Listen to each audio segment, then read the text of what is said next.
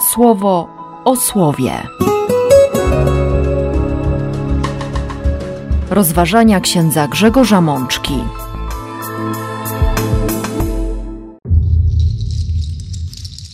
Siódma niedziela zwykła, rok C. Z pierwszej księgi Samuela. Wtedy Dawid rzekł: Pan wynagradza każdemu jego sprawiedliwe czyny i jego wierność. Psalmu 103. On Twoje życie ratuje przed zniszczeniem. On Cię otula swą troską i miłosierdziem. Z pierwszego listu do Koryntian. Tak też jest napisane: Stał się pierwszy człowiek, Adam, duszą żyjącą. Ostatni Adam, duchem ożywiającym. Z Ewangelii według świętego Łukasza. Stawajcie się miłosierni, jak wasz ojciec jest miłosierny. Siostry i bracia, przed nami kolejna niedziela, więc kolejne spotkanie ze Słowem. I ta liturgia Słowa domaga się od nas konkretnej odpowiedzi, zajęcia konkretnej postawy, bo, bo Słowo, kiedy przychodzi do nas, ono chce dialogować, ono chce też usłyszeć i zobaczyć naszą reakcję na to, co samo proponuje. Doskonale wiemy, że w czasie naszych spotkań, kiedy widzimy się z kimś, kiedy chcemy z kimś prowadzić dialog, kiedy zaczynamy rozmawiać, często dochodzi do wymiany poglądów. Owszem, one mogą być zbieżne, one też mogą się od siebie diametralnie różnić. Ale wiemy dobrze, że wszystko po to, abyśmy siebie nawzajem jeszcze lepiej poznali. Jeśli mamy do siebie zaufanie, to, to mówimy o rzeczach najważniejszych. To potrafimy odsłonić przed kimś swoje serce, swoje wnętrze. Bóg, dla którego jesteśmy tak ważni i który chce być w naszym życiu też bardzo ważny, zachęca nas dziś, zaprasza, mobilizuje i przede wszystkim sam daje przykład odsłonięcia swojego serca, podzielenia się z nami tym, co, co dla Niego jest tak ważne. A że doskonale wiemy, że drugim imieniem Boga jest miłość, bo Bóg jest miłością, jak napisze w sposób dobitny święty Jan Apostoł pod koniec swojego życia, to dzisiejsza liturgia słowa proponuje nam właśnie tę drogę miłości. Miłości wyjątkowej, miłości niezwykłej, miłości nieprzyjaciół. A zatem przyjrzyjmy się tej miłości.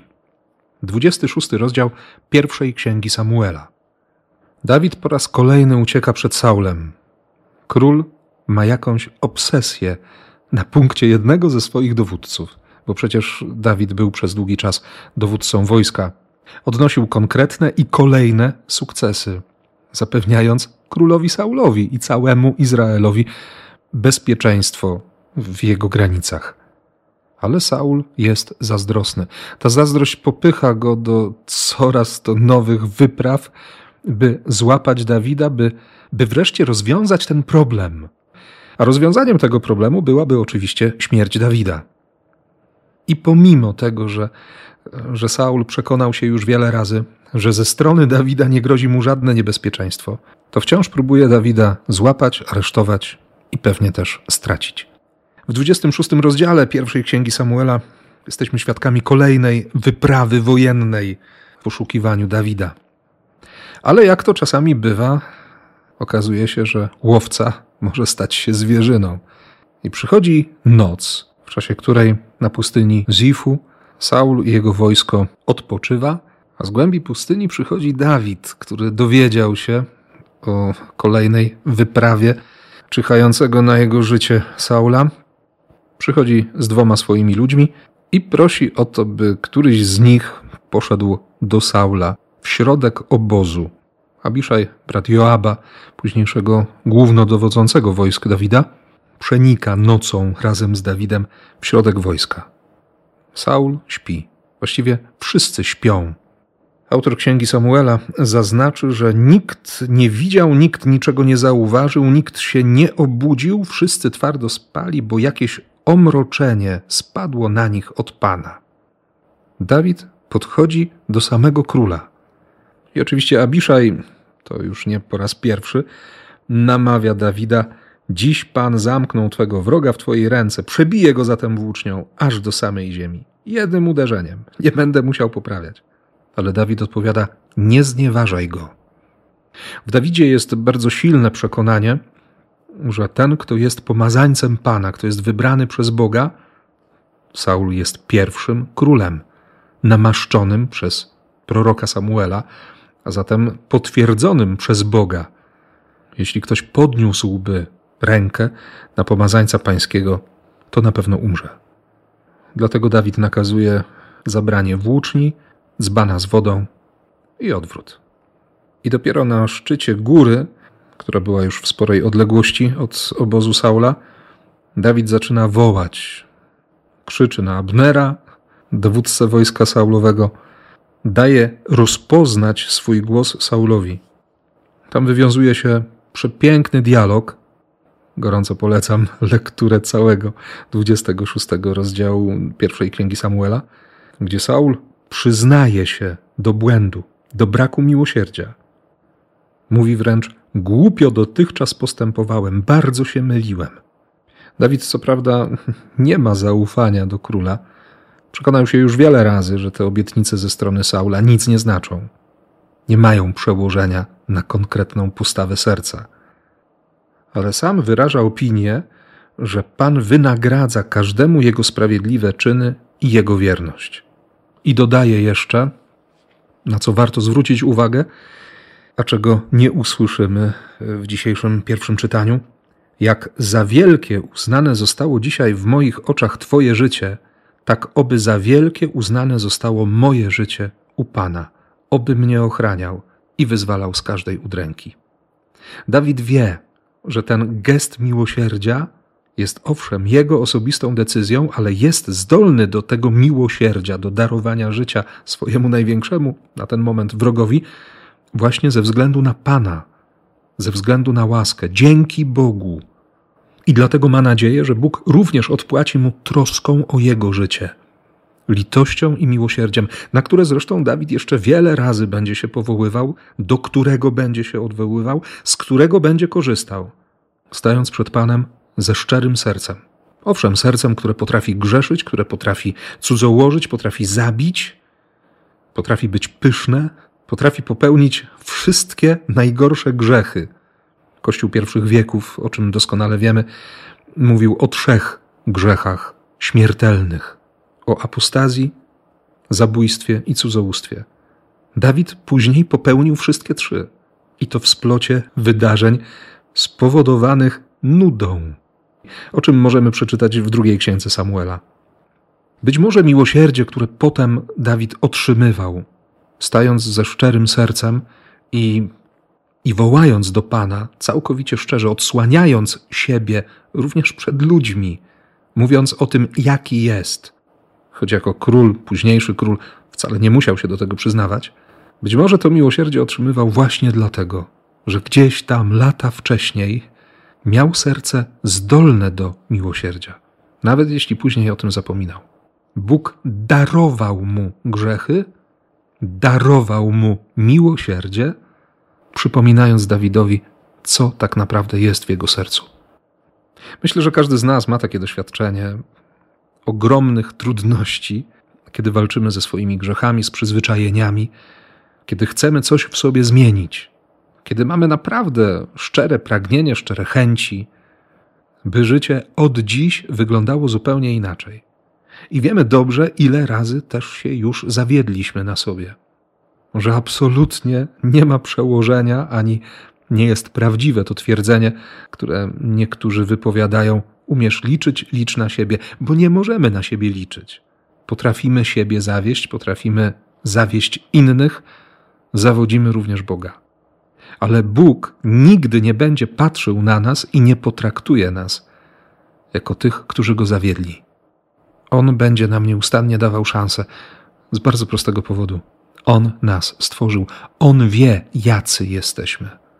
I bynajmniej nie chodzi mi tutaj o to, że, że jesteśmy notorycznymi i beznadziejnymi grzesznikami, którzy nie potrafią wykrzesać z siebie skutecznego postanowienia poprawy. Bóg wie, jakie jest nasze serce, On wie, że jesteśmy zdolni do miłości i do miłosierdzia, do zmiany. On liczy na to, że wreszcie wykorzystamy Jego łaskę i nasze życie będzie wyglądać inaczej.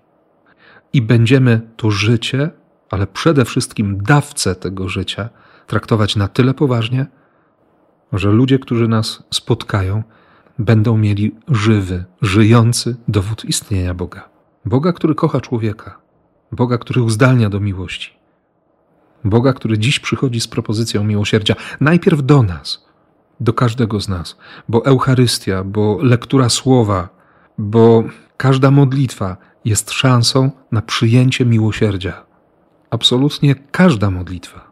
Nie tylko koronka do Bożego Miłosierdzia, czy, czy to świadome e, trwanie przed Bogiem Miłosiernym, które przecież jest bardzo ważne, jest bardzo piękne w tak wielu formach.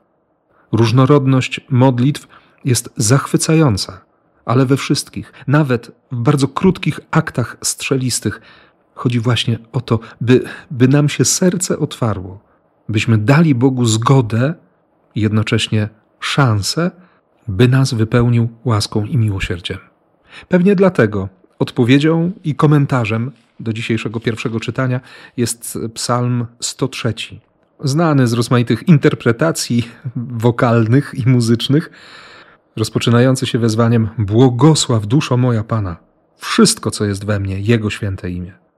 Nie zapominaj o tym wszystkim, czym On Cię nagradza. On bowiem jest litościwy dla wszystkich Twoich występków. On leczy wszystkie Twoje choroby. On Twoje życie ratuje przed zniszczeniem. On Cię otula swą troską i miłosierdziem. Pan spełnia uczynki miłosierdzia. Pan jest miłosierny i łaskawy, cierpliwy i bardzo litościwy. Jest litościwy dla wszystkich Twoich występków. Tak, Bóg ma miłosierdzie wobec naszych grzechów. Doświadczamy tego bardzo często, jeśli tylko stać nas na odwagę, by podejść do konfesjonału, by, by wyznać Bogu swoje grzechy, by stanąć we wspólnocie Kościoła, wyciągnąć ręce w tym geście proszącym i, i mówić do Boga: Miej miłosierdzie dla mnie, grzesznika. I Bóg przychodzi z tym miłosierdziem przez posługę Kościoła, przez widoczny znak kapłana, przez konkretne słowa, i ja Tobie odpuszczam grzechy w imię Ojca i Syna i Ducha Świętego, wypowiedziane nad naszą nieprawością. Jakichkolwiek byśmy słów użyli na określenie naszych grzechów, na opisanie naszych grzechów, one i tak ciągle będą zbyt małe, zbyt nieporadne, ciągle nieumiejące oddać tego całego zła, jakim jest wybór grzechu. A Pan jest litościwy. On nasze życie ratuje przed zniszczeniem. On, On otula troską i miłosierdziem. Święty Paweł w liście do chrześcijan w Kolosach napisze, żeby otulić się, żeby nałożyć na siebie płaszcz miłości. Bóg otula nas troską i miłosierdziem. On naprawdę okazuje miłość tym, którzy już wielokroć go zdradzili, odeszli od niego, zapominają o nim notorycznie on ma miłosierdzie. I to nie jest głupie miłosierdzie czy naiwne. To jest miłosierdzie życiodajne. To jest miłość, która daje życie, która owocuje życiem. Dlatego właśnie możemy, możemy podejść śmiało do tronu łaski, którym jest krzyż, i możemy wziąć błogosławieństwo, o czym powie nam tak bardzo mocno autor listu do Hebrajczyków. Psalmista w tym tekście, który dziś słyszymy jako komentarz do pierwszego czytania, w tej przepięknej intuicji jednocześnie świadomości tego, jak bardzo Bóg kocha człowieka, przypomina nam, że nie ma grzechu, którego Pan nie chciałby przebaczyć. I że On naprawdę w każdym momencie naszego życia troszczy się o nas. On chce nam okazać miłosierdzie. On chce ciągle rodzić nas na nowo, bo, bo okazać miłosierdzie to właśnie znaczy urodzić na nowo dać nowe życie, dać nowe szanse, pozwolić, by ktoś na nowo zaistniał w naszym życiu. No czym jest miłosierdzie? Przecież to jest miłość, która wchodzi w miejsce oczekiwanej czy spodziewanej nienawiści. A nienawiść jest śmiercią. Nie? Jest absolutnym pragnieniem niewidzenia kogoś, odwrócenia swoich oczu, wykasowania kogoś z pamięci. I nie chodzi tylko o usunięcie numeru telefonu czy znajomości na portalach e, społecznościowych. Miłosierdzie jest miłością, która wchodzi w miejsce oczekiwanej, spodziewanej, czy narzucającej się jako oczywista konsekwencja czyjegoś postępowania nienawiści. Dlatego właśnie możemy ubrać ten płaszcz miłości, bośmy wiele razy już się przekonali, że Bóg jest takim dla nas miłosiernym, litościwym, jest tym, który błogosławi, który ma wobec nas nieziemską, dosłownie nieziemską cierpliwość. I co na to wszystko święty Paweł? Czytamy dziś kilka wersetów z 15 rozdziału pierwszego listu do mieszkańców Koryntu. Wersetów na pierwszy rzut oka e, trudnych, bo odwołujących się do, do pierwszego człowieka i, i do faktu, że, że ten nowy Adam, Chrystus, jest kimś, kto w przeciwieństwie do pierwszego Adama, tego człowieka ulepionego z muł, w którym zaistniało tchnienie życia, ożywiającego, pobudzającego do życia, ten nowy Adam, Chrystus, ma w sobie takie życie, którym obdarzy wszystkich, których chce. Nowy przekład dynamiczny podpowie nam, interpretując już w pewien sposób według y, żydowskiej tradycji targumicznej, te wersety pierwszego listu do Koryntian w następujący sposób. Zauważcie, że pierwszy niedoskonały człowiek, gdy został stworzony, miał naturę zmysłową, co pismo oddaje słowami: Adam stał się istotą żyjącą według zmysłów. Oczywiście mamy tutaj odwołanie do drugiego rozdziału Księgi Rodzaju, wersetu siódmego. Podczas gdy nowy, doskonały Adam, czyli Chrystus, zrodził się z ducha. Dowodzi to istnienia ważnej zasady następstwa, polegającej na tym, iż rzeczy pierwsze nie są duchowe, lecz zmysłowe. Dopiero później to, co duchowe, zastępuje to, co zmysłowe. Stary, zmysłowy człowiek, Adam, wywodził się z prochu ziemi, a nowy, duchowy, czyli Chrystus, wywodzi się z niebios. Jaki zaś był ten pierwszy z ziemskiego prochu, tacy również są jego potomkowie. I jaki jest ten z niebios, tacy również staną się jego potomkowie. Zatem, i tu jest najważniejsza myśl świętego Pawła, jak od fizycznego narodzenia nosimy w sobie podobieństwo do tego, który był z prochu, tak od chwili duchowych narodzin zaczynamy nosić w sobie podobieństwo do tego, który jest z niebios. Święty Paweł wie doskonale, że każdy z nas, wszyscy jego słuchacze, adresaci listu i wszyscy, którym głosił Ewangelię kiedykolwiek i którzy kiedykolwiek usłyszą o Chrystusie, mają za sobą to fizyczne doświadczenie narodzin zmysłowych, narodzin fizycznych, narodzin w ciele, ale jednocześnie doświadczenie chrztu, poznanie wiary, poznanie Chrystusa i przyjęcie Go jako nadziei na nowe życie sprawia, że mamy przed sobą konkretny cel. Od chwili duchowych narodzin stajemy się coraz bardziej podobni do tego, który jest z nieba, do tego, który jest w niebie. Ostatecznie chodzi właśnie o to, aby, aby przemienić to, co jest grzeszne i zepsute, w to, co piękne i doskonałe. A to wszystko dokonuje się w rozmaity sposób, jak choćby w niedawno słyszanym Psalmie pierwszym, w którym korzenie drzewa rosnącego tuż nad strumieniem są nieustannie oczyszczane, są odzierane. Święty Jan omówi tę prawdę, cytując Jezusa w jego opowieści, w jego alegorii o winorośli. Ojciec, który przychodzi, by oczyszczać te gałązki, te pędy, które przynoszą owoce zdziera z tych gałązek to, co, co narosło, co przeszkadza owocować, co przeszkadza przyjmować w sposób maksymalny błogosławieństwo i dobrodziejstwo słońca, deszczu itd. Tak itd. Tak Na tym polega to nasze odarcie z grzechu, które widzimy tak mocno w męce Jezusa Chrystusa. Ten, o którym święty Paweł napisze, że ojciec uczynił go grzechem zostaje odarty ze wszystkiego, pozbawiony absolutnie wszystkiego. Właśnie po to, aby nam pokazać, że, że nawet w takim momencie życia, w dla nas niepojętej i niezrozumiałej absolutnie pustce, jest nieustannie w relacji z Ojcem. To jest to nowe życie. Nie? To jest ta ciągle dawana szansa, żeby, żeby być coraz mocniej, coraz bardziej zjednoczonym z Bogiem. I o tym właśnie mówi dzisiaj Jezus w Ewangelii. Redakcja świętego Łukasza, szósty rozdział, wersety między 27 a 38. Spory fragment tekstu ma dzisiaj dotrzeć do naszych uszu i ma w naszej głowie i w naszym sercu znaleźć dla siebie miejsce. Dopiero co usłyszeliśmy o tym w ubiegłą niedzielę.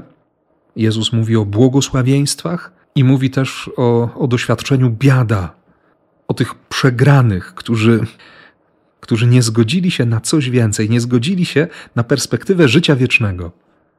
I ogłaszając ten swój swoisty manifest Królestwa Niebios, Jezus będzie go komentował w następujący sposób. Dlatego wszystkim, którzy mnie słuchacie, mówię: okazujcie swym wrogom taki rodzaj ofiarnej miłości, jaki ma Bóg Wyświadczajcie dobro także tym, którzy was nienawidzą. Błogosławcie tym, którzy wam złorzeczą i módlcie się za tych, którzy was krzywdzą. I później to zdanie o, o nadstawianiu drugiego policzka. Jeśli ktoś uderzy cię w prawy policzek, nadstaw mu i drugi. Oczywiście chodzi tutaj o znieważenie, o upokorzenie. W nowym przekładzie dynamicznym przeczytamy: Gdyby zaś ktoś znieważył jednego z was i splamił jego honor, nie mścijcie się, lecz bądźcie gotowi znieść to upokorzenie. W kulturze żydowskiej uderzenie wierzchem dłoni traktowane było jako, jako szczególnie obraźliwe, hańbiące.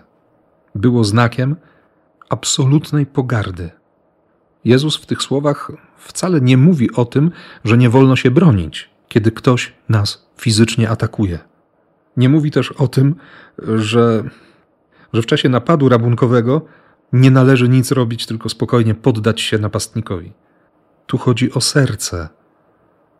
Znamy doskonale scenę przesłuchania Jezusa, kiedy w pewnym momencie odzywa się do jednego ze sług arcykapłanów: Udowodnij, co powiedziałem złego, a jeśli nic takiego nie powiedziałem, to mnie przestań bić. Jezus pokazuje, jak unikać pychy, w jaki sposób rezygnować ze swojej dumy. On mówi w tym fragmencie, jakie jest jego serce, bo jego postawa wynika z relacji z Ojcem. Z tym Ojcem, który jest dobry dla złych i niewdzięcznych, z Bogiem, który ma miłosierdzie dla zepsutych. Dlatego Jezus z taką mocą będzie powtarzał: Uczcie się bycia miłosiernymi, gdyż wasz Ojciec w niebiosach jest miłosierny. Stawajcie się miłosierni tak jak wasz Ojciec jest miłosierny. U świętego Mateusza przeczytamy: Bądźcie doskonali, jak Ojciec wasz jest doskonały. Łukasz nadaje tutaj nieco inny kierunek, a właściwie wyjaśnia słowa apostoła Mateusza. Nie chodzi o doskonałość w takim rozumieniu, jak my często ją widzimy, ale o doskonałość w miłości, która jednocześnie jest też miłosierdziem, która daje szansę, która rodzi na nowo, która sprawia, że ktoś może doświadczyć nowego życia. I to może być dla niego doświadczenie tak wstrząsające i tak fundamentalne, że staje się początkiem naprawdę zupełnie nowego patrzenia, zupełnie nowego postrzegania rzeczywistości, przewartościowania, całkowitego przewartościowania tego, co, co do tej pory było istotne i ważne i właściwie nic więcej nie trzeba już mówić. Natomiast zachęcam Was wszystkich, abyśmy za siebie nawzajem dzisiaj się modlili. Zarówno w odpowiedzi na ten komentarz, jak i przede wszystkim w czasie Eucharystii. Byśmy byli zdolni do miłosierdzia. Byśmy naprawdę byli podobni do Jezusa. Bo rzeczywiście chrześcijaństwo zaczyna się tam, gdzie pojawia się miłość nieprzyjaciół. Wcześniej jesteśmy tylko dobrymi i porządnymi ludźmi. Ale przecież w życiu chodzi o coś więcej. Mamy się stawać podobni do Chrystusa. Tego, który oddał życie za nieprzyjaciół, to znaczy za każdego z nas. Nie zapominajmy o tym. I niech łaska Boga uzdalnia nas do takiej właśnie miłości. Niech tak się stanie. Amen. Słowo o słowie.